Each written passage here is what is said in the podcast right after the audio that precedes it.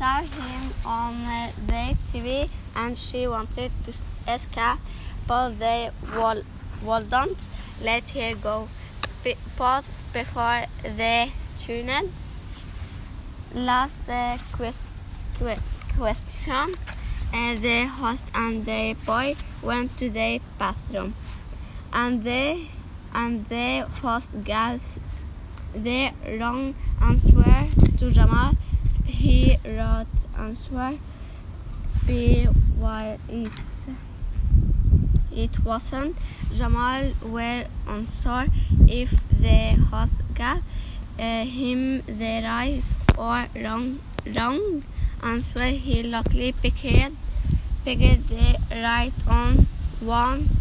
That is the uh, one one the last question question he didn't know the answer and he asked if he could call his brother. Brother behind behind in the car so he so she ran back to the car and picked up. When she picked up she just said that Jamal could get it right. So she, so he just followed, followed his gut, guts and got the question, question Right. right and won. Him and Tika met again, but Salim got shot, shot with a gun, and Salim helped Latika, Latika escape out what of three. Salim is the good guy here.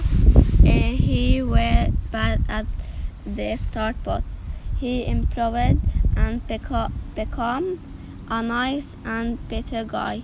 And I feel bad that he, he di- didn't Died. die at the end. And the end. I really like this move.